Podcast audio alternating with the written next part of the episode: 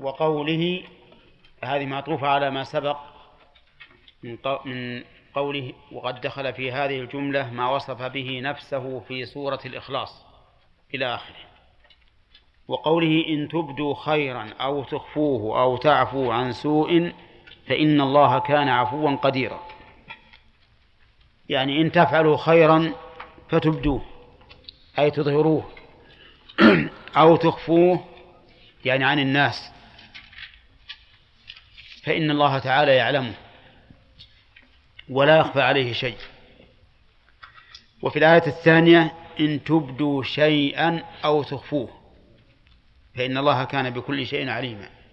إن تبدوا شيئا وهذا أعم يشمل الخير والشر وما ليس بخير ولا شر. وقوله أو تعفو عن سوء العفو هو التجاوز عن العقوبة. فإذا أساء إليك إنسان فعفوت عنه فإن الله سبحانه وتعالى يعلم ذلك. وقد سبق لنا أن العفو يشترط للثناء على فاعله أن يكون مقرونا بالإصلاح لقوله تعالى فمن عفا وأصلح فأجره على الله. وسبق لنا بناء على هذه القاعدة أن العفو قد يكون سببا للزيادة في الطغيان والعدوان. وقد يكون سببا للانتهاء عن ذلك. وقد لا يزيد المعتدي ولا ولا ولا ينقصه. فإذا كان سببا للزيادة في الطغيان كان العفو هنا مذموما. كان العفو مذموما وربما يكون ممنوعا. مثل أن نعفو عن هذا المجرم ثم يذهب فيجرم إجراما آخر وآخر أو أكبر. فهنا لا لا يمدح العافي. وقد يكون العفو سببا لانتهائه عن العدوان بحيث يخجل ويقول هذا الذي عفى عني لا يمكن أن أعتدي على عباد الله. فيخجل أن يكون هو من المعتدين وهذا الرجل من العافين. فهنا نقول العفو محمود محمود ومطلوب وقد يكون واجبا. ثالثا إذا كان العفو لا يؤثر لا ازديادا ولا ولا نقصا فهو أفضل. فهو أفضل لقوله تعالى وأن تعفوا أقرب للتقوى هنا يقول أو تعفو عن سوء فإن الله كان عفوا قديرا يعني فإذا عفوتم عن السوء عفى الله عنكم ويؤخذ هذا الحكم من الجواب. فإن الله كان عفوا قديرا يعني فيعفو عنكم. وجمع الله تعالى هنا بين العفو والقدير لأن كمال العفو أن يكون عن قدرة. أما العفو الذي يكون عن عجز فهذا لا يمدح فاعله لأنه عاجز عن عن الأخذ بالثأر. وأما العفو الذي لا يكون مع قدرة فقد فقد يمدح لكنه ليس عفوا كاملا بل العفو الكامل ما كان عن قدرة. ما كان عن قدرة. ولهذا جمع الله تعالى بين هذين الاسمين العفو والقدير. طيب العفو.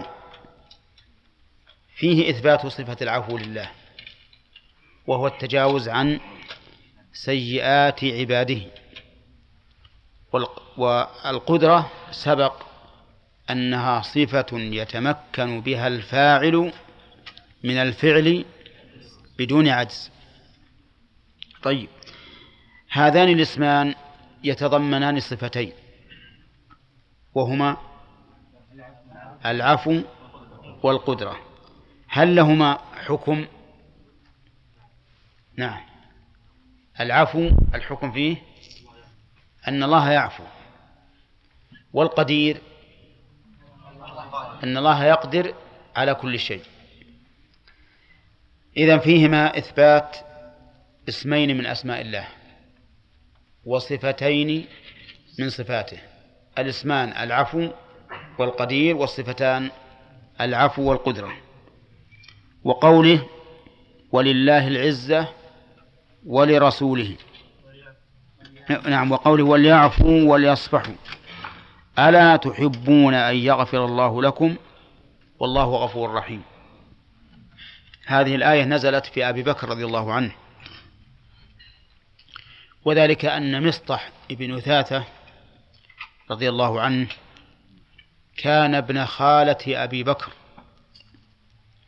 وكان ممن تكلموا في الإفك. وقصة الإفك أن قوم من المنافقين تكلموا في عرض عائشة رضي الله عنها. وليس والله قصدهم عائشة. عائشة امرأة من النساء لكن قصدهم رسول الله صلى الله عليه وسلم أن يدنسوا فراشه وأن يلحقوه العار والعياذ بالله. ولكن الله ولله الحمد فضحهم فضحهم وقال والذي تولى كبره منهم له عذاب عظيم. تكلموا فيها وكان أكثر من تكلم فيها المنافقون وتكلم فيها نفر من الصحابة رضي الله عنهم المعروفين أو المعروفون بالصلاح ومنهم مصطح بن أثاثة.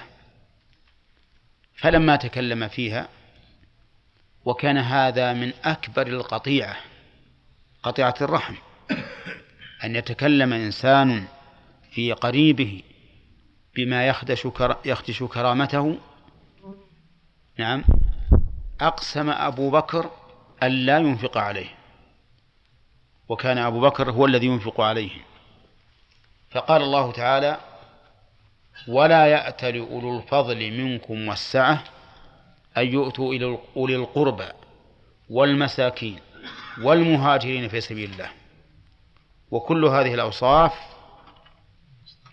ثابتة في حق مصطح.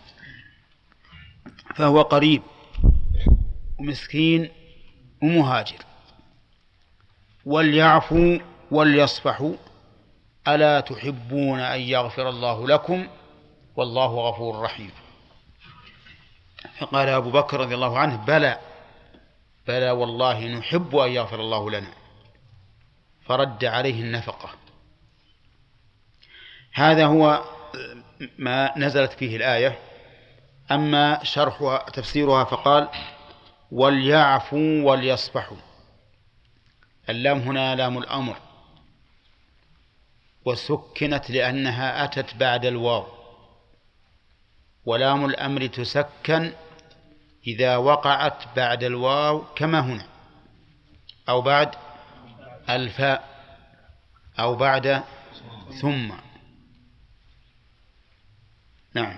قال الله تعالى ومن قدر عليه رزقه فلينفق مما آتاه الله. فلينفق. وقال تعالى ثم ليقضوا تفثهم. ثم ليقضوا. هذا إذا كانت لام أمر. أما إذا كانت لام تعليل فإنها تبقى مكسورة. تبقى مكسورة. ما ما ما تسكن. قوله وليعفوا يعني يتجاوزوا عن الأخذ بالثأر وليصفحوا يعني يعرضوا عن هذا الأمر ولا يتكلموا به إطلاقا. شوف آخركم جزاكم الله خير يقول للأخ يقصر الصوت. وليصفحوا يعني يعرضوا عن ذلك مأخوذ من صفحة العنق وهي وهي جانبه. لأن الإنسان إذا أعرض فالذي يبدو منه صفحة العنق. والفرق بين العفو والصفح أن الإنسان قد يعفو ولا يصفح بل يذكر هذا هذا هذا العدوان وهذه الإساءة. لكنه لا لا يأخذ بالثأر. أما إذا عفا وصفح فهو أعظم. أعظم مما إذا عفا فقط. ألا تحبون أن يغفر الله لكم؟ ألا هنا للعرض. وش الجواب؟ بلى نحب ذلك. فإذا كنا نحب أن يغفر الله لنا فلنتعرض لأسباب المغفرة. ثم قال والله غفور رحيم. غفور هذه إما أن تكون اسم فاعل للمبالغة وإما أن تكون صفة مشبهة. فإن كان صفة مشبهة فهي دالة على الوصف اللازم الثابت لأن هذا هو مقتضى الصفة المشبهة. وإن كانت اسم فاعل محولا إلى صيغة التكثير كانت دالة على وقوع المغفرة من الله بكثرة ولا بقلة؟ بكثرة.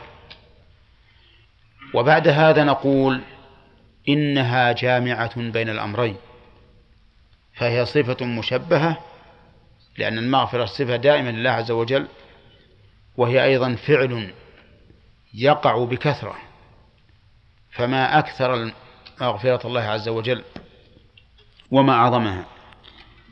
وقوله رحيم هذه أيضا اسم فاعل اسم فاعل محول إلى إيش؟ إلى صيغة المبالغة. وأصل, وأصل اسم الفاعل من رحم راحم.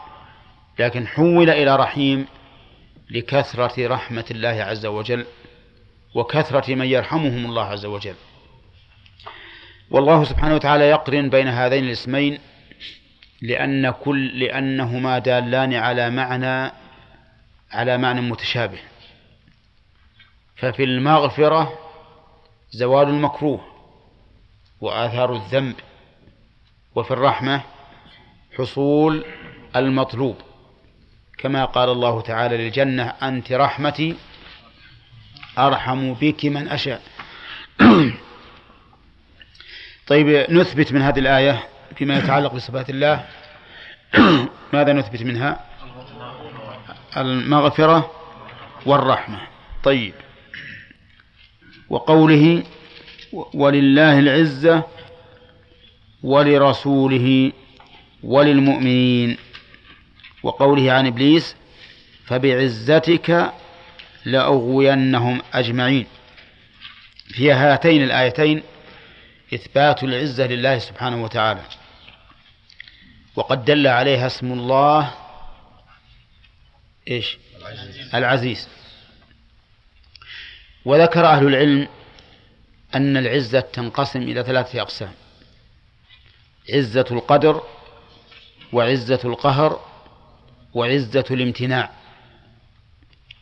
عزة القدر وعزة القهر وعزة الامتناع.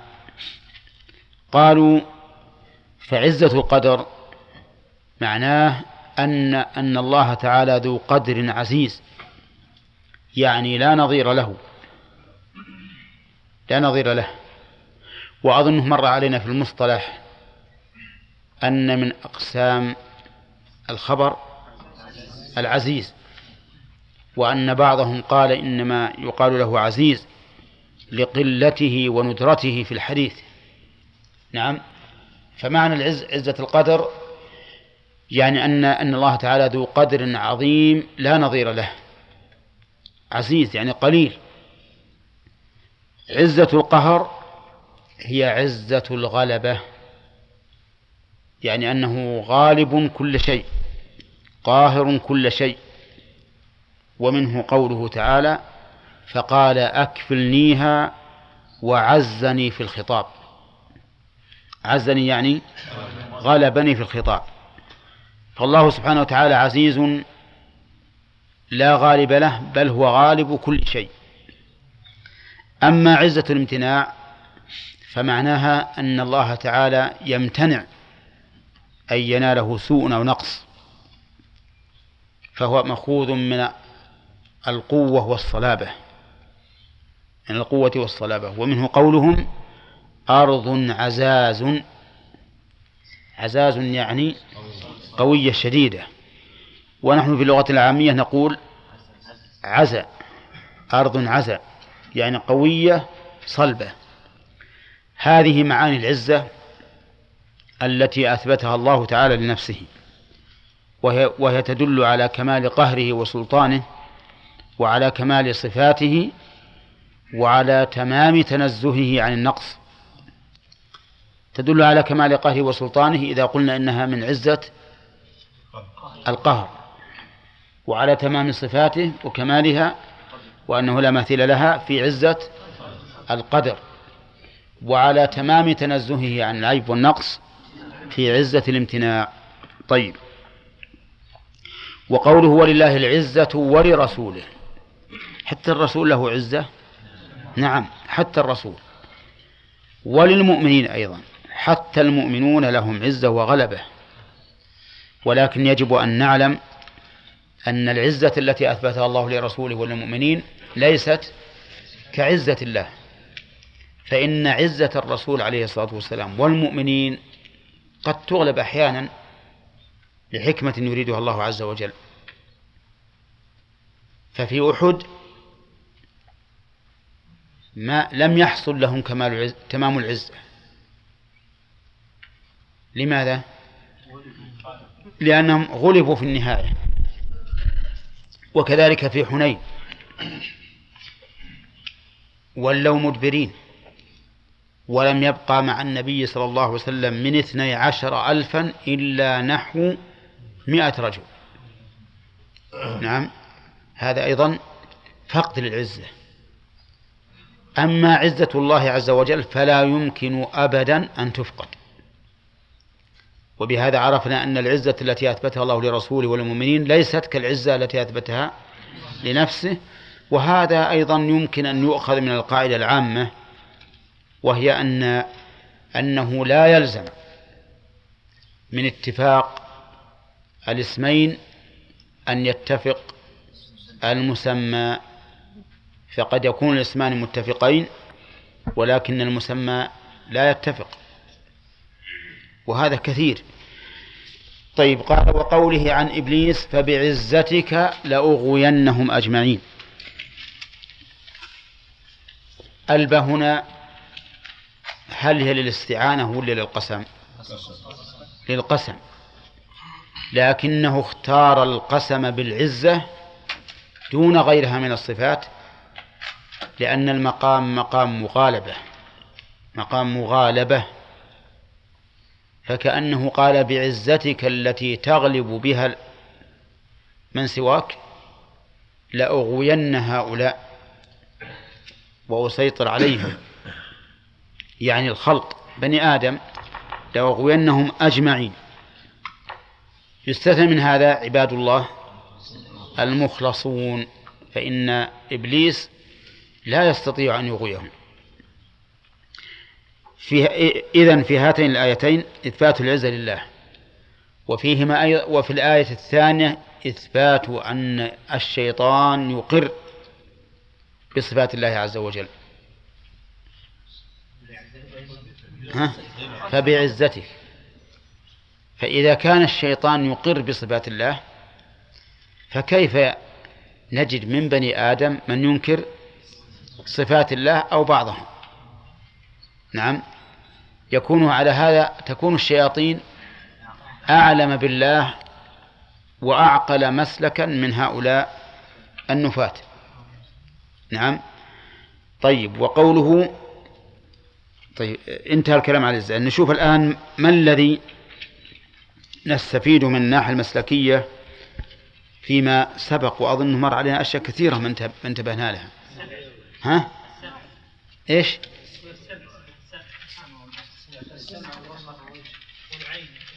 لا واجد. إي نعم. والله واجد الحقيقة وأنا أنسى وأنتم ما تذكرونني أظن وقفنا على من, من إتيان الله عز وجل. ها؟ طيب نشوف الآن بالنسبة نبدأ من, من الإتيان. ما الذي نستفيده من الناحية المسلكية من من إيماننا بأن الله تعالى يأتي للفصل بين عباده؟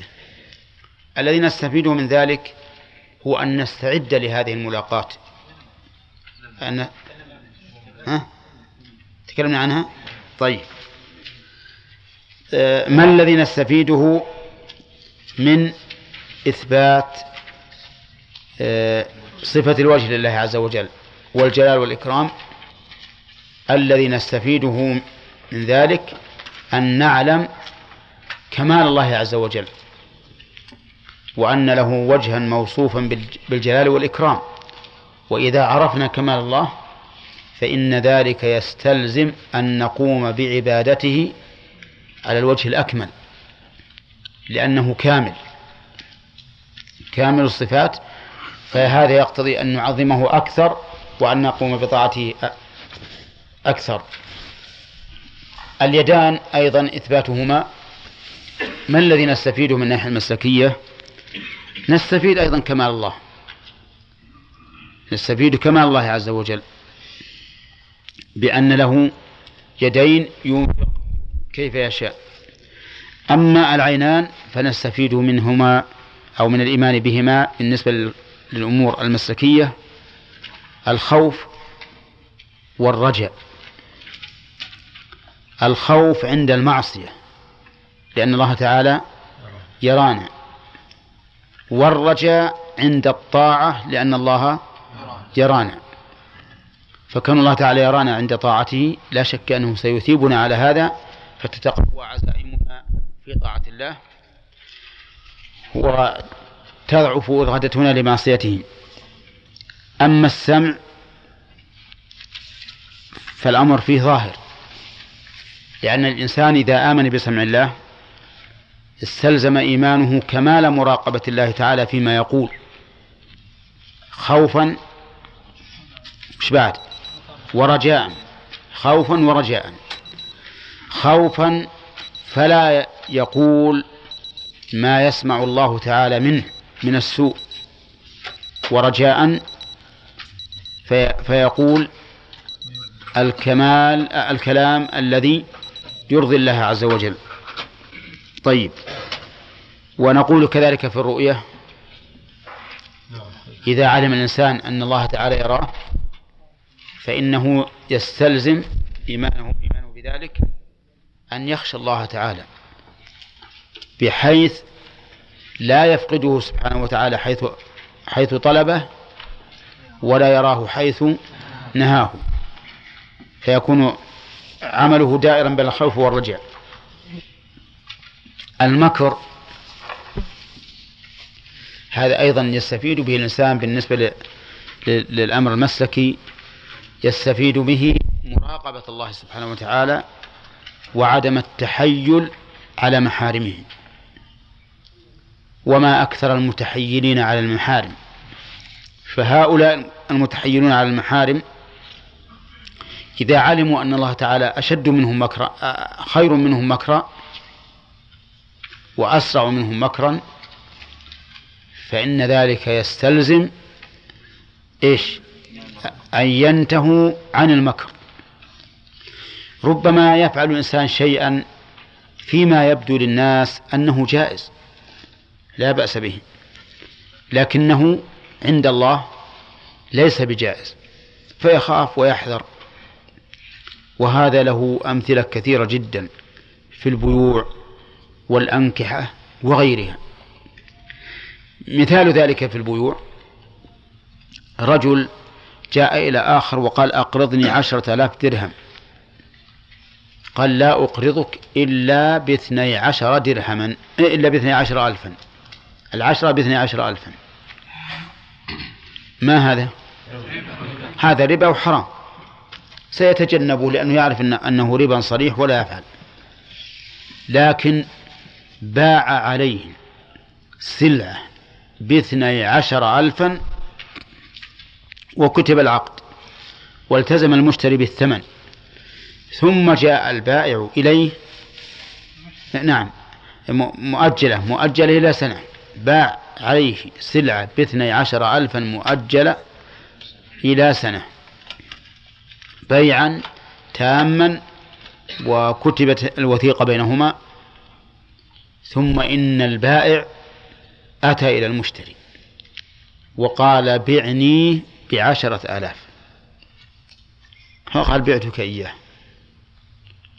وكتبوا وثيقة بينهما بالبيع. ظاهر هذا البيع الصحة. رجل باع سلعة وكتب الوثيقة وانتهى ثم رجع فاشتراها بمشترى بعقد تام الشروط فيما يظهر. نقول هذه حيلة. هذا لما عرف أنه لا يجوز أن أن يعطيه عشرة باثني عشرا باثني عشر ألفا قال أبيع السلعة عليه باثني عشر وأشتريها نقدا بعشرة. واضح؟ ربما يستمر الإنسان في هذه المعاملة لأنها أمام الناس معاملة ما فيها شيء لكنها عند الله تحيل على محارمه تحيل على محارمه. قد يملي الله تعالى لهذا الظالم والعياذ بالله حتى إذا أخذه لم يفلت. يعني يتركه يتربى ماله ويزداد وينمو بهذا الربا لكن إذا أخذه لم يفلت. تكون هذه الأشياء خسارة عليه فيما بعد ومآله إلى الإفلاس. و و ومن الكلمات المشهورة على ألسنة الناس من عاش في الحيلة مات فقيرا. من عاش في الحيلة مات فقيرا. طيب هذا في البيوع في الأنكحة فيه تحيل فيه امرأة طلقها زوجها ثلاثا فلا تحل له إلا بعد زوج فجاء صديق له فتزوجها بشرط أنه متى حل لها يعني متى جامعها طلقها. ففعل. تزوج بعقد وشهود ومهر ودخل عليها وجامعها ثم طلقها. ولما طلقها أتت بالعدة. تحل الزوج الأول ظاهرا تحل. ما ندري. ظاهرا تحل. لكن باطنا لا. لأن هذه حيلة. فمتى علمنا أن الله أسرع مكرا وأن الله خير الماكرين أوجب لنا ذلك أن نبتعد غاية البعد عن التحيل على محارم الله. طيب في العفو والصفح. انتهينا منها. العفو والصفح. نعم. الرجل نعم. هو أننا إذا علمنا أن الله عفو وأنه قدير أوجب لنا ذلك أن نسأله العفو دائما وأن نرجو منه العفو عما حصل منا من التقصير في الواجب. أما العزة العزة أيضا نقول إذا علمنا أن الله عزيز فإننا لا يمكن أن نفعل فعلا نحارب الله فيه. مثلا الإنسان المرابي معاملته مع الله إيش؟ المحاربة. فإن لم تفعلوا فأذنوا بحرب من الله ورسوله. إذا علمنا أن أن الله ذو عزة لا يغلب فإنه لا يمكننا أن نقدم على محاربة الله عز وجل. قطع الطريق محاربة. إنما جزاء الذين يحاربون الله ورسوله ويسعون في الأرض فسادا أن يقتلوا أو يصلبوا أو تقطع أيديهم وأرجلهم من خلاف أو ينفى من الأرض. فإذا علمنا أن قطع الطريق محاربة لله وأن العزة لمن؟ لله امتنعنا عن هذا العمل. لأن الله هو الغالب. طيب ممكن أن نقول فيها فائدة من الناحية المسلكية أيضا؟ وهي أن الإنسان المؤمن ينبغي له أن يكون عزيزا في دينه بحيث لا يذل أمام أمام أحد كائنا من كان نعم إلا على المؤمنين. يكون عزيزا على الكافرين ذليلا على المؤمنين. والله أعلم. نعم. منين؟ إثبات الوجه. نقول نعمل على على نجاهد على أن الإنسان يرى وجه الله في الآخرة. أي هذا هذا هذا تأتي إن شاء الله في الآخر. إثبات الرؤية.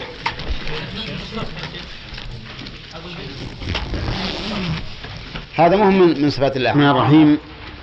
آه، سبق لنا من صفات الله عز وجل إثبات العفو والقدرة والعزة والمغفرة والرحمة.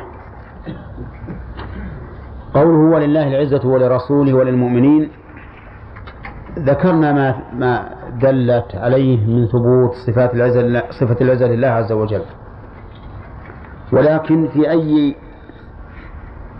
مناسبة نزلت هذه الآية؟ نزلت حين قال عبد الله بن أبي رأس المنافقين. قال لئن رجعنا إلى المدينة ليخرجن الأعز منها الأذل ويعني بالأعز نفسه وبالأذل النبي النبي صلى الله عليه وسلم وأصحابه. فقال الله عز وجل ولله العزة ولرسوله وللمؤمنين. ومقتضى قاعدة عبد الله بن أبي الخبيث أن الذي يخرجه من؟ الرسول والمؤمنون لأن العزة لهم والمنافق ليس له حظ من العزة. ويدل لذلك أنه يعامل نفسه مع معاملة المستضعف الذي يخاف على نفسه. فإذا رأى المؤمنين ماذا يقول خوفا منهم؟ ها؟ يقول آمنا. خوفا منهم. وإذا ذهب إلى شياطينه قال إنه معهم. فهل هذا عز أو هذا ذل؟ ذل غاية الذل.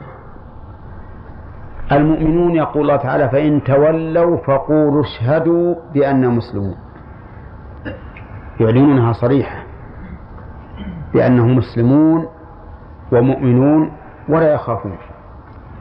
لكن المنافقين ما يستطيعون لا يستطيعون أن يعلنوا ما هم عليه من الكفر لأنهم خائفون. فصارت العزة ليست لعبد الله بن أبي وأصحابه ولكن لله ولرسوله وللمؤمنين. وأما قوله فبعزتك لأغوينهم أجمعين فهذا من إبليس حين أيس من رحمة الله والعياذ بالله من أجل استكباره عن السجود لآدم الذي أمره الله به. أقسم بعزة الله أن يغوي بني آدم والإغواء هو الخروج عن الحق إلى الباطل وهذا هو ما يريده الشيطان من كل واحد من بني آدم. إلا أنه قال إلا عبادك منهم المخلصين. ثم قال المؤلف وقوله تبارك اسم ربك ذي الجلال والإكرام. تبارك قال العلماء معناها تعالى وتعاظم. وقيل معنى تبارك أي أن البركة تكون باسم الله. أي أن اسم الله إذا صاحب شيئا صارت فيه البركة. ولهذا جاء في الحديث كل أمر ذي بال لا يبدأ فيه ببسم الله فهو أبتر أي ناقص البركة. بل إن التسمية تفيد حل الشيء وعدمها يفيد تحريمه.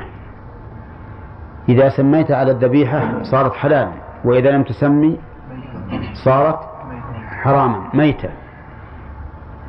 وهناك فرق بين الحلال الطيب الطاهر والميتة النجسة الخبيثة. بل إن كثيرا من العلماء يقول إذا سمى الإنسان على طهارة الحدث صحت وإذا لم يسمي نعم لم تصح. إذا سمى الإنسان على طعامه لم يأكل معه الشيطان وإن لم يسمي أكل معه. إذا سمى الإنسان على جماعة ثم قدر بينهما ولد لم يضره الشيطان أبدا. وإن لم يسمي فالولد عرضة لضرر الشيطان.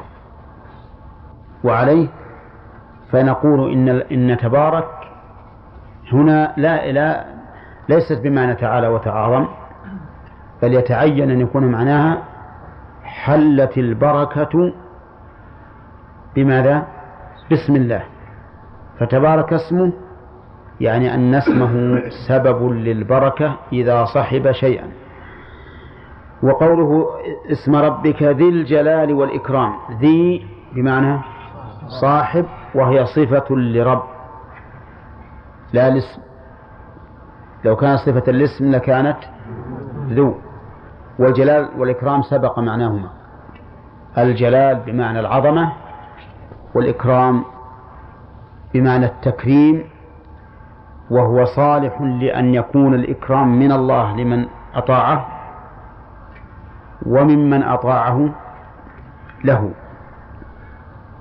ثم قال ثم قال وقوله فاعبده واصطبر لعبادته. ومن هنا بدأ المؤلف بدأ المؤلف رحمه الله بالصفات السلبية أي صفات النفي. وقد مر علينا فيما سبق أن صفات الله عز وجل ثبوتية وسلبية أي منفية لأن الكمال لا يتحقق إلا بالإثبات والنفي. إثبات الكمالات ونفي النقائص. طيب يقول فاعبده واصطبر لعبادته ألفا مفرعة على ما سبق. والذي سبق هو قوله رب السماوات والأرض وما بينهما فاعبد. فذكر سبحانه وتعالى ما تثبت به الربوبية إثبات ربوبيته. رب السماوات والأرض وما بينهما. وفرع على ذلك وجوب عبادته لأن كل من أقر بالربوبية لزمه إيش؟ الإقرار بالعبودية والألوهية وإلا صار متناقضا. فاعبده أي تذلل له محبة وتعظيما. وسبق أن أن العبادة يراد بها المتعبد به ويراد بها إيش؟ التعبد الذي هو فعل العبد. قال واصطبر لعبادته. اصطبر أصلها في اللغة. اصطبر فأبدلت التاء طاء لعلة تصريفية. والصبر حبس النفس. وكلمة اصبر أبلغ من اصطبر أبلغ من كلمة اصطبر. آه نعم.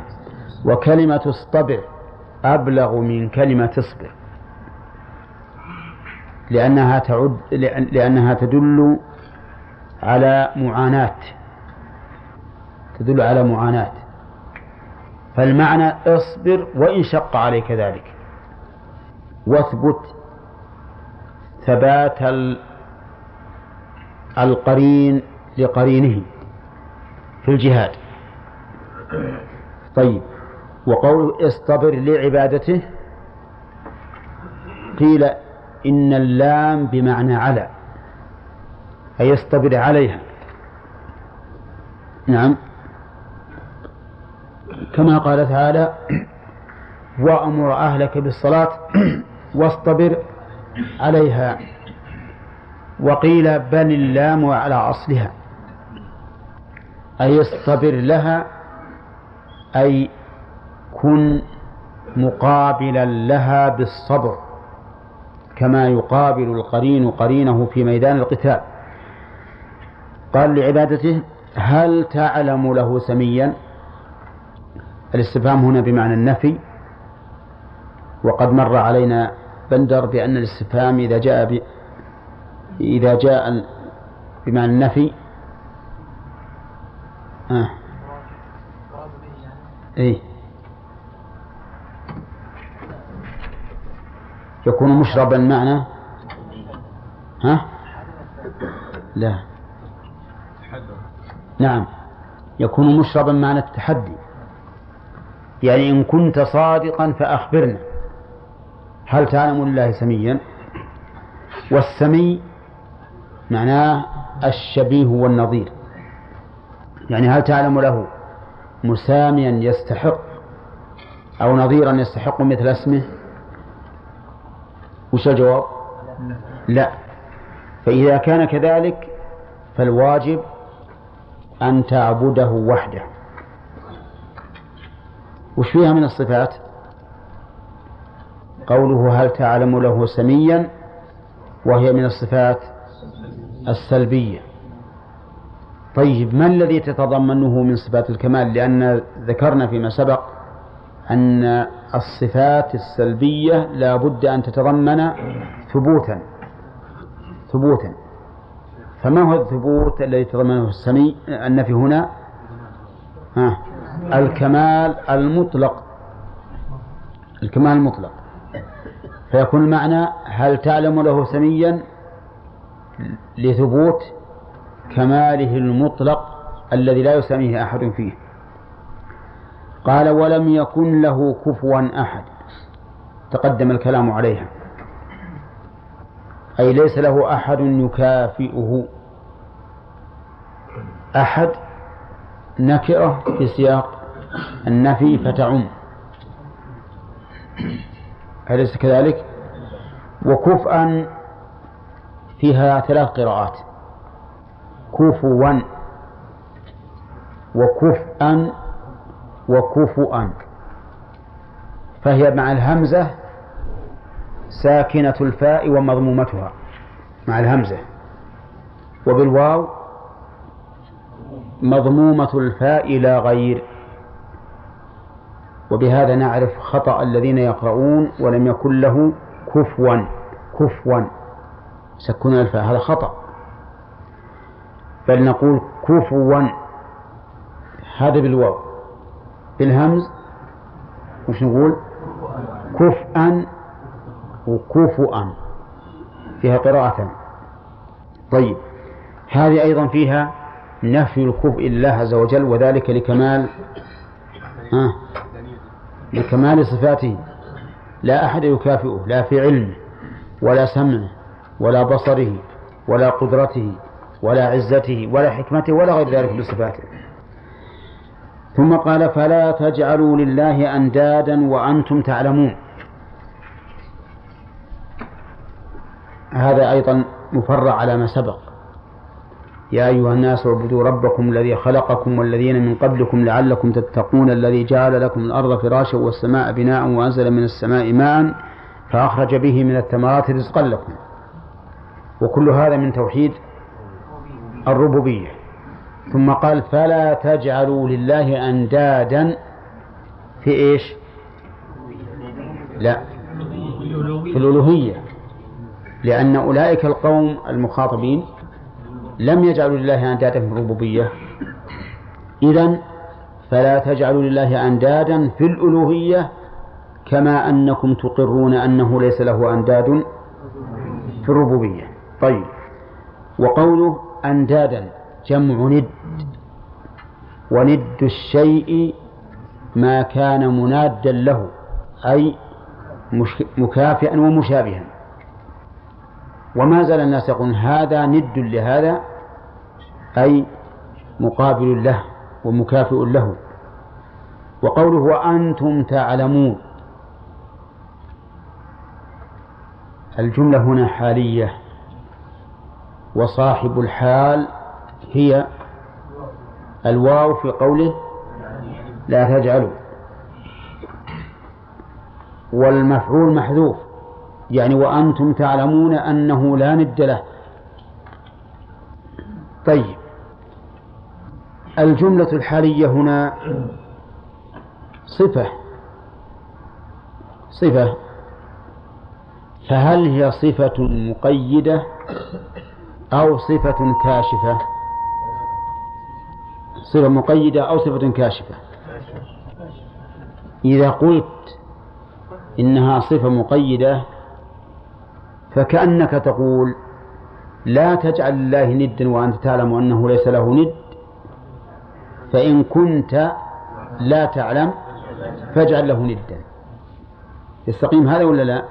لا يستقيم. إذن هي صفة كاشفة. والصفة الكاشفة كالتعليل للحكم. فكأنه قال لا تجعلوا لله أندادا لأنكم تعلمون أنه لا ند له. فإذا كنتم تعلمون ذلك فكيف تجعلونه؟ فتخالفون علمكم. طيب. هذه فيها أيضا صفة سلبية ولا ولا ثبوتية؟ سلبية. كيف ذلك؟ لأن النهي عن الشيء دليل على انتفائه. فلا تجعلوا لها أندادا لأنه لا ند له. وحينئذ تكون من باب الصفات السلبية. طيب. لماذا ليس له أنداد؟ لكمال لكمال صفاته. لكمال صفاته. طيب. ثم قال ومن الناس من يتخذ من دون الله أندادا يحبونهم كحب الله. من هنا تبعيضية. والميزان لمن التبعيضية أن يحل محلها بعض يعني وبعض الناس بعض الناس.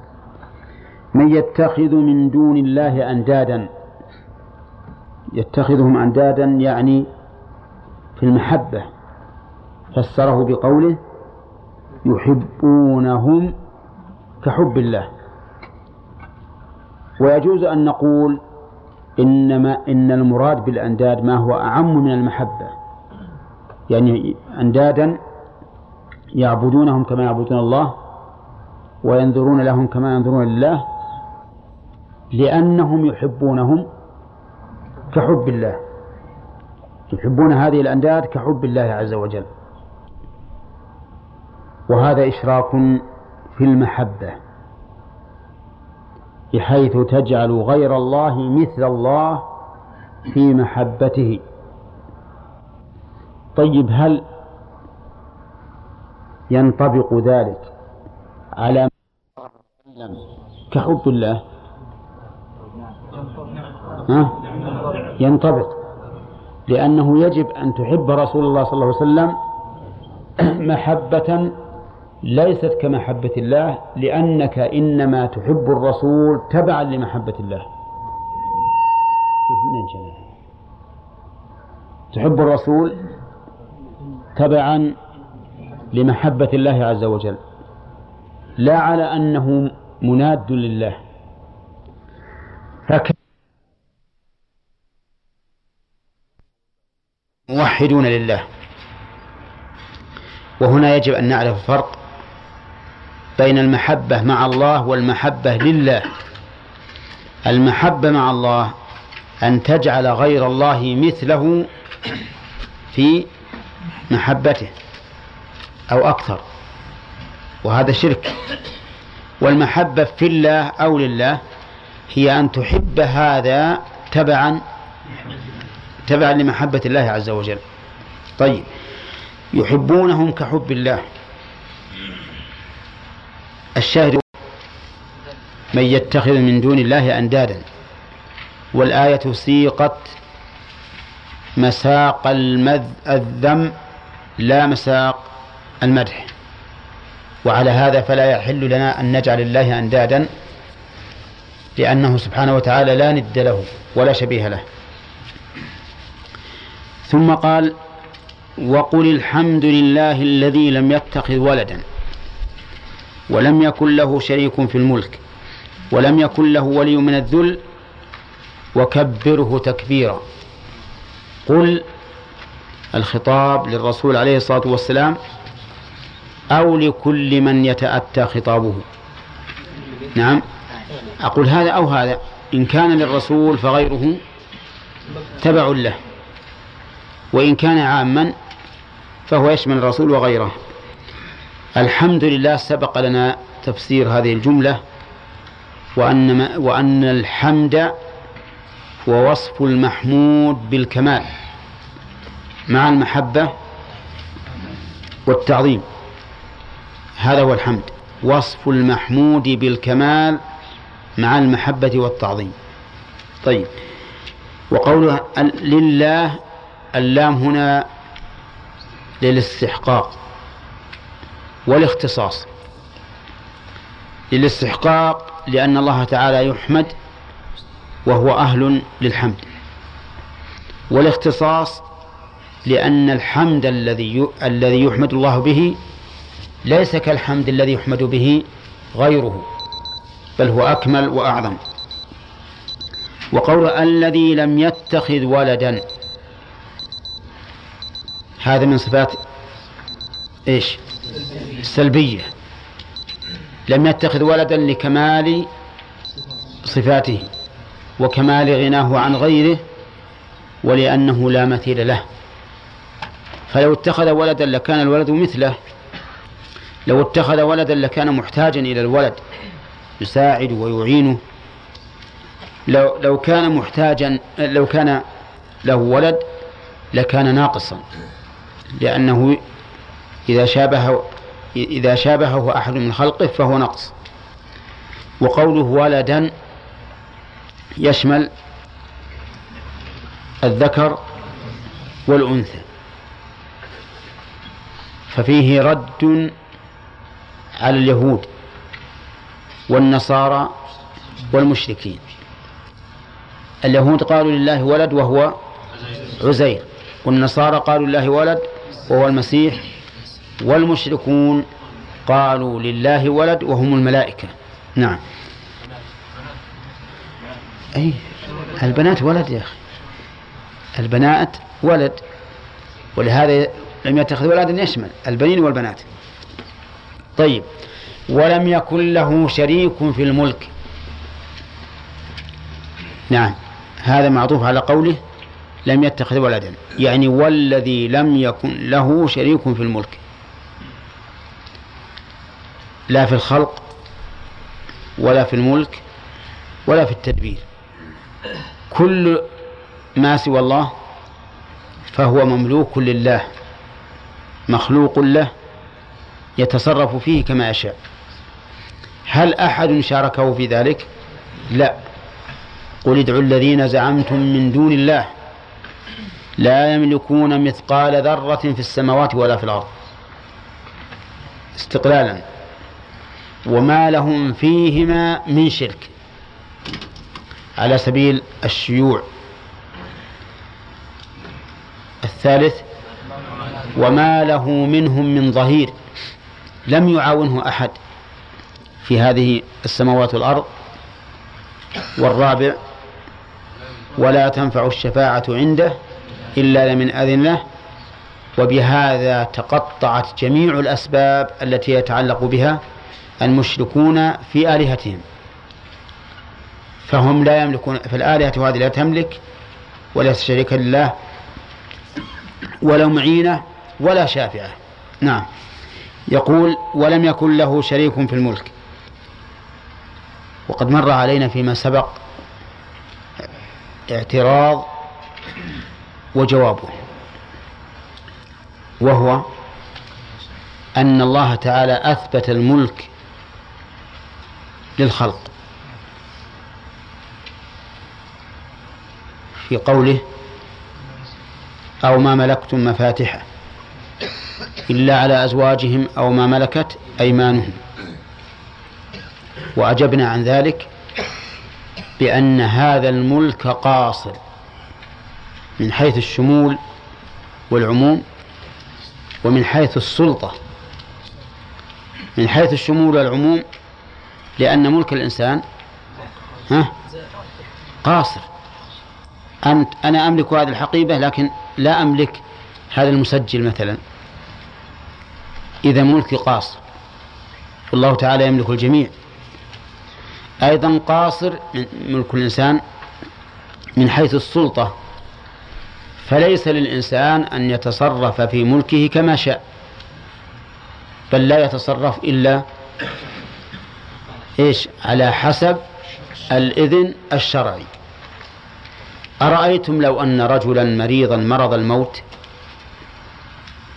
ووهب نصف ماله لغيره. لغير الورثة أيضا. هل يجوز؟ لا يجوز. ولو كان له الملك المطلق لجاز. لو جمع جميع ما عنده من الدنانير وقال سأضرم عليها النار. ليش يا ولد؟ قال بشوف إذا ماع إذا ماع الذهب أشوف شلون يصير. يملك هذا؟ كيف ما يملك؟ ها؟ يمنع؟ إيه. ليش؟ لأن هذا سفه. إذا ملكنا قاصر. ملكنا قاصر فالله هو له الملك المطلق. ولم يكن له ولي من الذل. شوف لم يكن له ولي لكنه قيد بقوله من الذل. ومن هنا للتعليل لأن الله تعالى له أولياء. ألا إن أولياء الله لا خوف عليهم ولا هم يحزنون. وقال الله تعالى في الحديث القدسي من عاد من عادى لي وليا فقد آذنته في الحرب. فلله أولياء. لكن هل هؤلاء الأولياء أولياء لله ينصرونه عند ذله؟ الجواب لا, لا. ولا يحتاج إلى أحد. يا كما قال الله تعالى في الحديث القدسي يا عبادي لو أن أولكم وآخركم وإنسكم وجنكم كانوا على أفجر قلب رجل واحد منكم ما نقص ذلك في ملك شيئا ولا يضر الله شيئا. نعم. ومن كفر فإن الله غني عن العالمين مو عنه فقط عن العالمين حتى المسلمين. الله تعالى غني عنهم. فلهذا يقول ولم يكن له ولي من الذل. أما من غير الذل فلله أولياء. طيب الأصنام المعبودة من دون الله لها أولياء؟ نعم لها أولياء يدافعون عنها وينابذون دونها وهي لا تنتصر لنفسها. كما قال الله تعالى وهم لهم جند محضرون. هؤلاء جند لهذه الأصنام ولكن الأصنام لا تنفعهم. لا يستطيعون نصرهم وهم أي العابدون لهم أي لهذه الأصنام جند محضرون. طيب ثم قال عز وجل وكبره تكبيرا. يعني كبر الله عز وجل تكبيرا بلسانك وجنانك.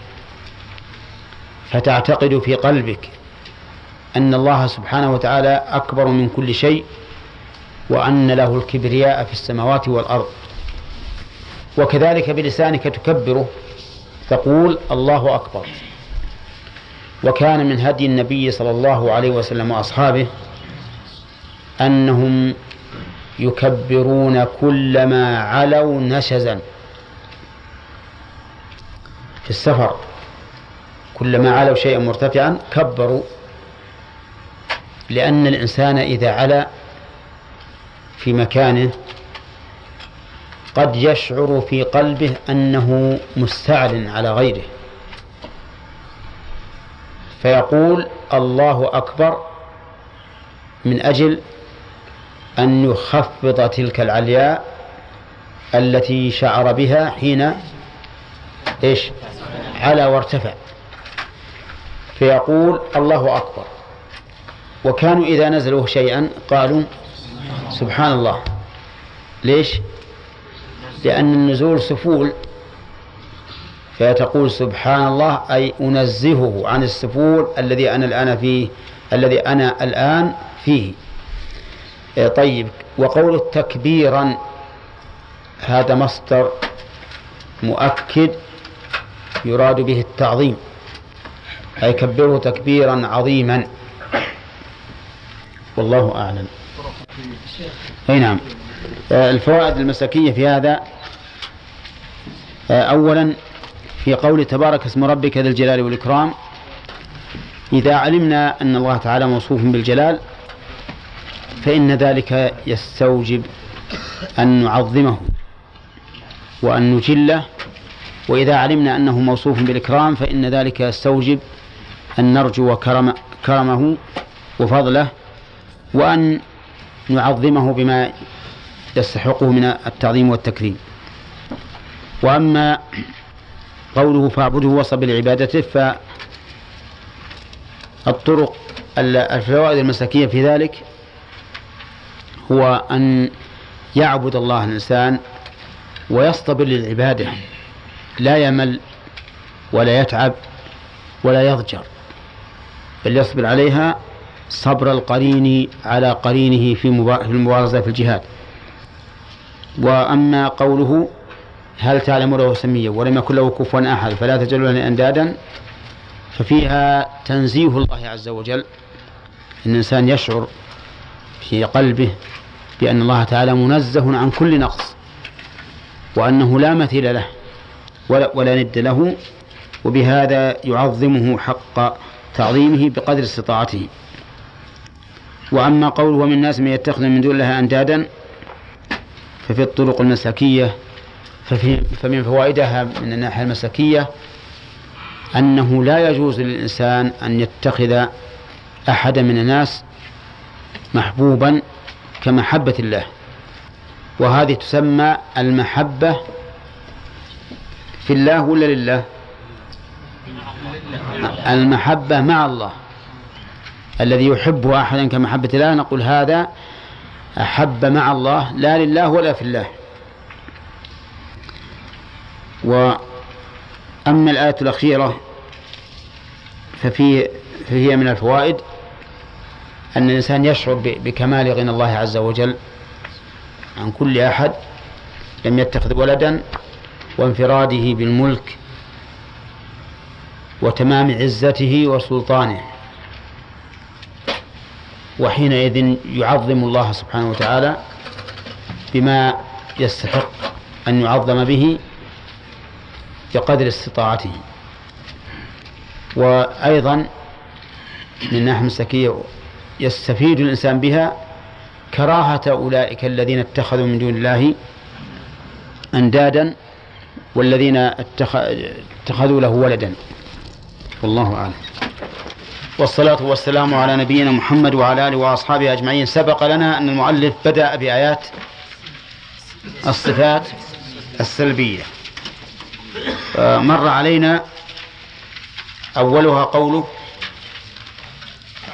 هل تعلم له سميا؟ ومن الناس من يتخذ من دون الله أندادا وهذا إنكار. الحمد لله الذي لم يتخذ ولدا ولم يكن له شريك في الملك ولم يكن له ولي من الذل. خمس صفات مر علينا. ثم قال يسبح لله ما في السماوات وما في الأرض. يسبح بمعنى ينزه والتسبيح بمعنى التنزيه. وسبح تتعدى بنفسها وتتعدى باللام أما تعديها بنفسها فمثل قوله تعالى لتؤمنوا بالله ورسوله وتعزروه وتوقروه. إيش بعده؟ وتسبحوه بكرة وأصيلا. وأما تعديها باللام فهي كثيرة. كل التسابيح السور المبدوءة بهذا متعدية باللام. قال العلماء وإذا أريد مجرد الفعل تعدت بنفسها تسبحوه. فمعنى تسبحوه أي تقول سبحان الله وإذا أريد بيان القصد والإخلاص تعدت باللام. سبح لله أي سبحوا إخلاصا لله واستحقاقا. فاللام هنا تبين كمال الإرادة من الفاعل وكمال الاستحقاق من المسبح وهو الله. فتكون أبلغ من قوله سبح الله سبح الله. وأظن الآن عرفتم الفرق بين ما إذا أريد الفعل فيتعدى ها؟ بنفسه. تقول سبح الله وإذا أريد القصد والإخلاص تتعدى باللام. فتقول سبحت لله ومنه يسبح لله ما في السماوات أي ينزهه. قول ما في السماوات والأرض عام يشمل كل شيء لكن التسبيح نوعان تسبيح بلسان المقال وتسبيح بلسان الحال. أما التسبيح بلسان الحال فهو عام وإن من شيء إلا يسبح بحمده. وأما التسبيح الخاص بالمقال بلسان المقال فيخرج منه الكافر. فإن الكافر لم ينزه الله. ولهذا يقول الله تعالى سبحان الله عما يشركون سبحان الله عما يصفون. فهم لم يسبحوا الله تعالى لأنهم أشركوا به. والشرك ينافي التسبيح يعني ينافي التنزيه. الخلاصة هل تسبيح ما في السماوات والأرض عام أو يخرج منه بعض بعض؟ نقول أما بلسان الحال فهو عام وأما بلسان المقال فيخرج منه الكافر فإنه لم يسبح الله.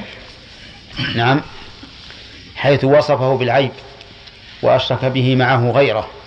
طيب لسان الحال كيف لسان الحال؟ يعني أن حال كل شيء في السماوات والأرض تدل على تنزيه الله سبحانه وتعالى عن العبث وعن النقص. حتى الكافر إذا تأملت حاله وجدتها تدل على تنزه الله تعالى عن النقص والعيب. نعم. وقال له الملك وله الحمد وهو على كل شيء قدير. هذه الصفات الأخيرة صفات ثبوتية لكن يسبح لله هذه الصفات سلبية لأن مناه تنزيهه عما لا يليق به. وسبق لنا له الملك وله الحمد وهو على كل شيء قدير سبق الكلام عليها. قال تبارك الذي نزل الفرقان على عبده ليكون للعالمين نذيرا. تبارك بمعنى تعالى وتعاظم وحلت البركة به. بذكر اسمه وغير ذلك. والذي نزل الفرقان على عبده من؟ هو الله عز وجل. وقول الفرقان يعني به القرآن. لأنه يفرق بين الحق والباطل وبين المسلم والكافر وبين البر والفاجر وبين الضار والنافع. كله فرقان. نعم. طيب يقول على عبده من؟ محمد عليه الصلاة والسلام. وقال على عبده فوصفه بالعبودية في مقام التحدث عن تنزيل القرآن إليه. وهذا المقام يعتبر من أشرف مقامات النبي صلى الله عليه وسلم. ولهذا وصفه الله تعالى بالعبودية في مقام تنزيل القرآن عليه كما هنا. وفي وكما في قوله الحمد لله الذي أنزل على عبده الكتاب ووصفه بالعبودية في مقام الدفاع عنه والتحدي وإن كنتم في ريب مما نزلنا على عبدنا ووصفه في العبودية في مقام تكريمه بالمعراج. فقال سبحان الذي أسرى بعبده ليلا من المسجد الحرام وقال في سورة النجم اللي فيها التحدث عن المعراج فأوحى إلى عبده ما أوحى. مما يدل على أن وصف الإنسان بالعبودية لله يعتبر كمالا. كمالا لأن العبودية لله هي حقيقة الحرية. فمن لم يتعبد لله كان عبدا لغيره. قال ابن القيم رحمه الله هربوا من الرق الذي خلقوا له وبلوا برق النفس والشيطان. ها؟ هربوا من الرق الذي خلقوا له. ما هو الرق الذي خلقوا له؟ عبادة الله عز وجل. وبلوا برق النفس والشيطان. صاروا أرقى لنفوسهم وأرقى للشيطان. فما من إنسان يفر من عبودية الله إلا وقع في عبودية هواه وشيطانه. أفرأيت من اتخذ إلهه هواه وأضله الله على علم. طيب على عبده ليكون للعالمين نذيرا. اللام هنا للتعليل. والضمير في يكون هل هو عائد على الفرقان أو عائد على النبي عليه الصلاة والسلام؟ عائد على النبي عليه الصلاة والسلام ليكون للعالمين لأنه أقرب مذكور ولأن الله تعالى قال لتنذر به وقال النبي عليه الصلاة والسلام لأنذركم به ومن بلغ. فالمنذر الرسول عليه الصلاة والسلام. طيب وقول العالمين يشمل الجن والإنس. الذي له ملك السماوات والأرض. وإلى الآن ونحن في صفات سبحان الله. الثبوتية يا جماعة. الذي له ملك السماوات والأرض. ثم قال ولم يتخذ ولدا. هذه من الصفات السلبية.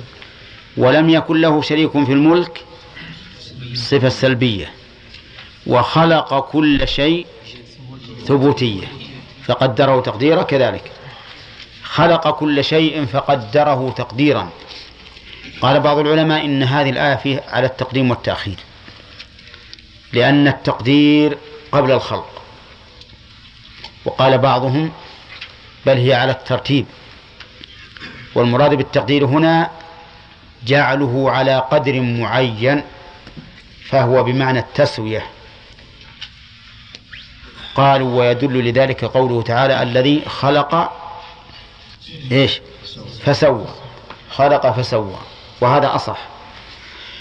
في هذه الآية من صفات من الصفات السلبية قوله ولم يتخذ ولدا العلة. كمال كمال غناه. إذ لا يتخذ الولد إلا من كان محتاجا له. ولم يكن له شريك في الملك لكمال سلطانه وملكه. طيب. نست... نعم. نستفيد من من الآيات هذه من الناحية التربوية والمسلكية أنه يجب علينا أن نعرف عظمة الله عز وجل وتنزهه عن كل نقص. وإذا علمنا ذلك ازددنا محبة له وتعظيما. وفي الآية الثانية الفرقان نستفيد منها بيان هذا القرآن العظيم وأنه مرجع وأن الإنسان إذا أراد أن يتبين له تتبين له الأمور فليرجع إلى إيش؟ إلى القرآن. لأن الله سماه فرقانا نزل الفرقان على عبده. ونستفيد أيضا من الناحية المساكية التربوية أن تتأكد محبتنا لرسول الله صلى الله عليه وسلم. حيث كان عبدا لله. ونحن كلما كان الإنسان أعبد لله كان أحب إلينا. لأننا نحب من, من يعبد الله عز وجل. نعم. ونستفيد أيضا أن النبي عليه الصلاة والسلام آخر الرسل. فلا نصدق في أي دعوى للنبوة من بعده لقوله للعالمين ولو كان بعده رسول لكان تنتهي رسالته بهذا الرسول ولا كل العالمين كلهم طيب ثم قال ما اتخذ الله من ولد وما كان معه من إله. من ولد؟ هذه من زائدة في الإعراب لكنها زائدة في المعنى تزيد في المعنى. لأن لأنها تدل على تأكيد النفي. ما اتخذ الله ولدا لا عزيرا ولا المسيح ولا الملائكة ولا غيرهم. لأنه لم يلد ولم يولد. وما كان معه من إله. نقول في من إله كما قلنا؟ من ولد. وقوله من إله إله بمعنى مألوه. مثل غراس بمعنى وبنا بمعنى مبني. فراش بمعنى مفروش. فالإله بمعنى المألوه أي المعبود المتذلل له. والمراد بالنفي هنا الإله الحق. يعني ما كان معه من إله حق. أما الآلهة الباطلة فهي موجودة لكن لكونها باطلة كانت كالعدم. فصح أن نقول ما كان مع الله من إله.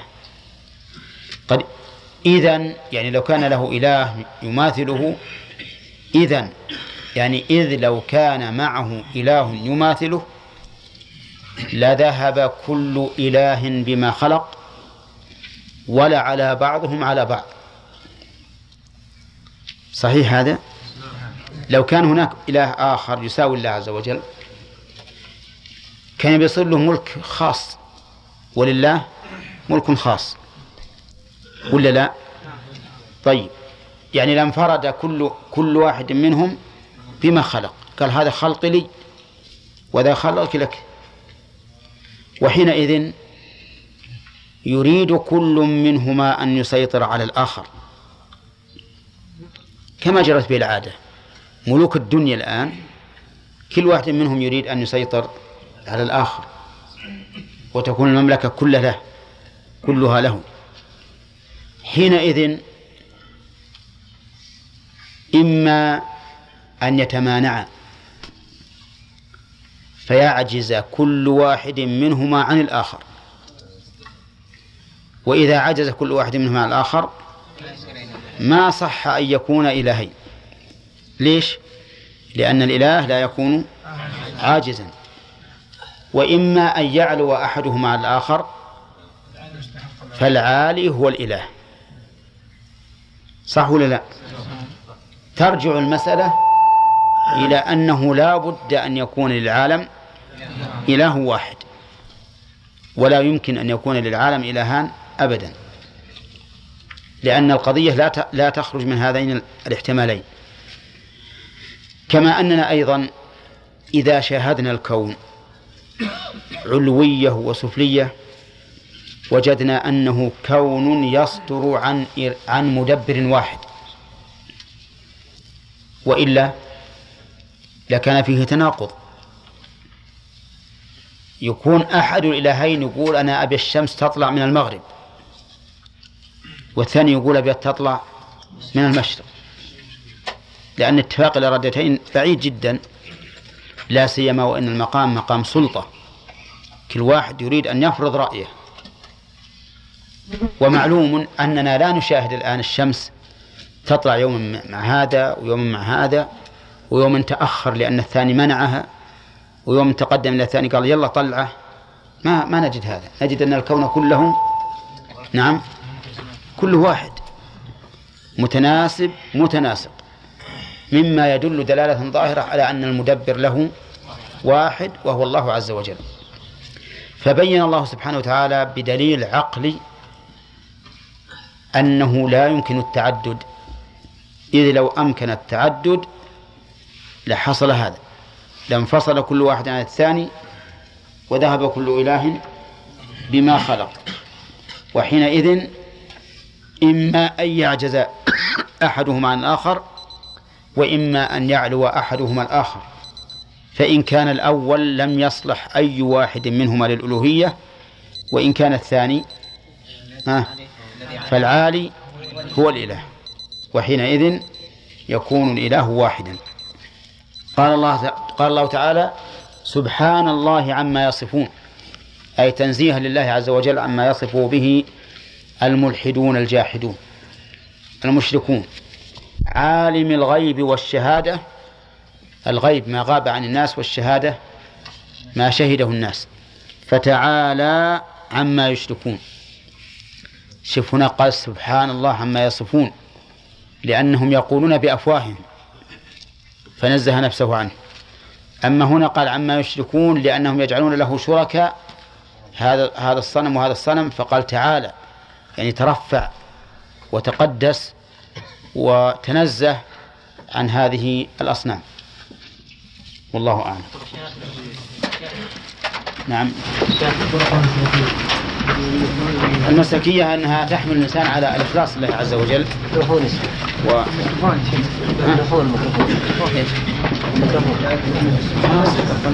هو يسأل واحد. إن شاء الله تعالى. طيب. شيخ محمد. والصلاة والسلام على نبينا محمد وعلى آله وأصحابه أجمعين. أما بعد فما زلنا في استعراض الآيات التي فيها الصفات السلبية التي مدلولها انتفاء تلك الصفة وثبوت الإيمان ضدها لله عز وجل. وتقدم الكلام على عدة آيات. آخرها قوله تعالى ما اتخذ الله من ولد وما كان معه من إله إذا لذهب كل إله بما خلق. وذكرنا أن في هذا دليلا عقليا على امتناع تعدد الآلهة عقليا حسيا. وهو لو تعددت الآلهة لانفرد كل إله بخلقه. ولم يتحد نظام العالم. وبعد هذا الانفراد فإن العادة جارية بأن كل واحد من هذين الإلهين يطلب العلو على الآخر. وإذا طلب العلو على الآخر فإما أن يعلو عليه وإما أن يعجز عنه. فإن علا عليه صار هو الإله. وانفرد بالألوهية وإن عجز كل واحد منهما عن الآخر لم يصلح أن يكون واحد منهما ربا لماذا؟ العجز والرب لابد أن يكون كامل القدرة. طيب وفي الآية نفسها يقول عز وجل سبحان الله عما يصفون أي تنزيها له عما يصفه هؤلاء المكذبون. عالم الغيب والشهادة فتعالى عما يشركون. أي ترفع وعلى عما يشركون به من الأصنام. فوصف الله تعالى بالتنزه عن وصف نفسه بالتنزه عن وصف هؤلاء المشركين وبالترفع عن آلهتهم. ثم قال المؤلف رحمه الله فلا تضربوا لله الأمثال إن الله يعلم وأنتم لا تعلمون. يعني لا لا تجعلوا لله مثلا. فتقولون مثل الله كمثل كذا وكذا. إن الله يعلم وأنتم لا تعلمون. يعني أنه سبحانه وتعالى يعلم بأنه ليس له مثل. وقد أخبركم بأنه لا مثل له.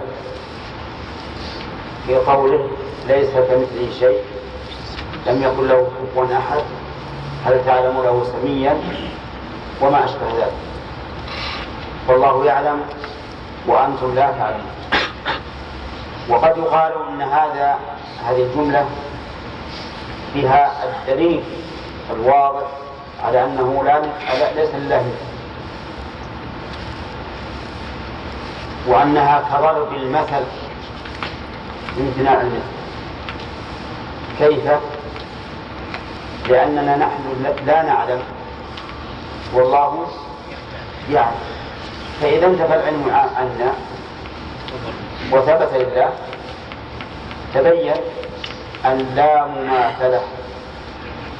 ويدلك على نقص علمنا أن الإنسان لا يعلم ما يفعله في اليوم التالي وما تدري نفس ماذا تكسب غدا وأن الإنسان لا يعلم نفسه التي بين جنبيه. ويسألونك عن الروح قل الروح من أمر ربك. وما زال الفلاسفة والمتفلسفة وغيرهم يبحثون عن حقيقة هذه الروح ولم يصلوا إلى حقيقة مع أنها هي مادة الحياة. وهذا يدل على نقصان العلم. قال الله تعالى ويسألونك عن الروح يقول الروح من أمر ربي وما أوتيتم من العلم إلا قليلا. فإن قلت كيف تجمع بين هذه الآية؟ فلا تضربوا لله الأمثال؟ إن الله يعلم وأنتم لا تعلمون. وبين قوله تعالى فلا تجعلوا لله أندادا وأنتم تعلمون. فالجواب أنه هناك يخاطب الذين يشركون به في الألوهية. فيقول لا تجعلوا لله أندادا في العبادة والألوهية وأنتم تعلمون أنه لا ند له في الربوبية. اقرأ الآية. يا أيها الناس اعبدوا ربكم الذي خلقكم والذين من قبلكم لعلكم تتقون الذي جعل لكم الأرض فراشا والسماء بناء وأنزل من السماء ماء فأخرج به من الثمرات رزقا لكم. فلا تجعلوا لله أندادا وأنتم تعلمون. أما هنا ففي باب الصفات. لا تضربوا لله الأمثال. فتقولوا مثلا إن يد الله مثل يد كذا وجه الله مثل وجه كذا وذات الله مثل الذات الفلانية وما أشبه هذا. لأن الله تعالى يعلم وأنتم لا تعلمون وقد أخبركم بأنه لا مثيل له.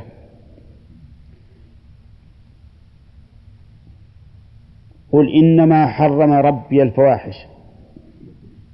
ناخذ إذا قال قائل فلا تضربوا لله الأمثال إن الله يعلم وأنتم لا تعلمون. هذه صفة سلبية لكن ما الذي تتضمنه من الكمال؟ كمال صفات الله عز وجل حيث إنه لا مثيل له. أما الفائدة المسلكية التي تؤخذ من هذه الآية فهي كمال تعظيمنا للرب عز وجل. لأننا إذا علمنا أنه لا مثيل له تعلقنا به رجاء وخوفا وعظمناه وعلمنا أنه لا يمكن أن يماثله سلطان ولا ملك ولا وزير ولا رئيس مهما كانت عظمة ملكيتهم ورئاساتهم ووزارتهم. لأن الله سبحانه وتعالى ليس له مثل. وقال قل إنما حرم ربي الفواحش ما ظهر منها وما بطن. قل الخطاب للنبي صلى الله عليه وسلم حرم بمعنى منع. وأصل هذه الكلمة الحاء أو المادة الحاء والراء والميم تدل على المنع. ومنه حريم البئر للأرض التي تحميه حوله لأنه يمنع من التعدي عليه. طيب إنما حرم ربي الفواحش ما ظهر منها وما بطن. جمال. الفواحش جمع فاحشة وهي الذنب الذي يستفحش. مثل الزنا واللواط. الزنا قال الله تعالى ولا تقربوا الزنا إنه كان فاحشا وفي اللواط قال لوط لقومه أتأتون الفاحشة؟ ومن الزنا أن يتزوج الإنسان امرأة لا تحل له لقرابة أو رضاع أو مصاهرة. قال الله تعالى ولا تنكحوا ما نكح آباؤكم من النساء إلا ما قد سلف إنه كان فاحشة ومقتا وساء سبيلا. بل إن هذا أشد من الزنا لأنه وصفه بوصفين فاحشة ومقت. بل ثلاث ثلاثة أوصاف. وفي الزنا وصفه الله بوصفين إنه كان فاحشة وساء سبيلا. طيب. وقول ما ظهر منها وما بطن قيل إن المعنى ما ظهر فحشه وما خفي. لأن من من الفواحش ما هو ظاهر لكل أحد ومنها ما يخفى على بعض الناس. وقيل المعنى ما ظهر للناس وما بطن عنهم باعتبار فعل الفاعل. لا باعتبار العمل أي ما أظهره الناس ما أظهره الإنسان للناس وما أبطنه. ثانيا قال والإثم والبغي بغير الحق. يعني حرم الإثم والبغي بغير الحق. الإثم المراد به ما يكون سببا له من المعاصي. والبغي العدوان على الناس. إنما السبيل على الذين يظلمون الناس ويبغون في الأرض بغير الحق. وفي قوله والبغي بغير الحق إشارة إشارة إلى أن كل بغي فهو بغير حق. وليس المراد أن البغي ينقسم إلى قسمين. بغي بحق وبغي بغير حق لأن البغي كله بغير حق. وعلى هذا فيكون الوصف هنا من باب الوصف إيش؟ الكاشف. يسميها العلماء صفة كاشفة أي مبينة وهي التي تكون كالتعليل لموصوفها. قال وأن تشركوا بالله ما لم ينزل به سلطان. هذه معطوفة على ما سبق يعني وحرم عليكم وحرم ربي أن تشركوا بالله ما لم ينزل به سلطانا. يعني أن تجعلوا له شريكا لم ينزل به سلطانا أي حجة. وسميت الحجة سلطانا لأنها سلطة للمحتج بها. وهذا القيد ما لم ينزل به سلطانا. نقول فيه كما قلنا في البغي بغير الحق أي أنه صفة أو قيد كاشف لأن كل من أشرك بالله فليس له سلطان. نعم. يعني تكشف الأمر وتوضحه. قال وأن تقولوا على الله ما لا تعلمون. أيضا هذا مما حرم علينا أن نقول عليه ما لا نعلم. طيب. أن نقول عليه ما لا نعلم في ذاته وفي صفاته وفي أحفاله وفي أحكامه. فحرام علينا أن نقول على الله ما لا, ما لا نعلم سواء كان في ذاته أو أسمائه أو صفاته أو أفعاله أو أحكامه. خمسة. لا يجوز أن نقول عليه ما لا نعلم. إذا قال قائل أين الصفة السلبية في هذه الآية؟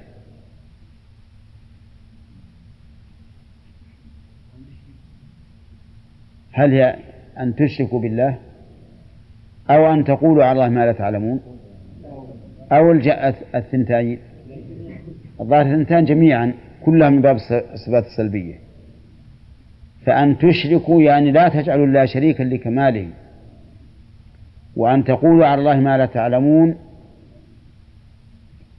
كذلك لكماله فإنه من تمام سلطانه أن لا يقول عليه أحد ما لا يعلم. طيب الفائدة المسلكية من هذه الآية الكريمة هو أن ننفر غاية النفور من هذه الأشياء الخمسة التي صرح الله تعالى بتحريمها. وقد قال أهل العلم إن هذه المحرمات الخمسة مما أجمعت الشرائع على تحريمه. كل الشرائع من أولها إلى آخرها قد أجمعت على تحريمها. طيب هذه الأمور الخمسة هل ترتيبها في الذكر حسب ترتيبها في القبح ها؟ إيه؟ ابن القيم رحمه الله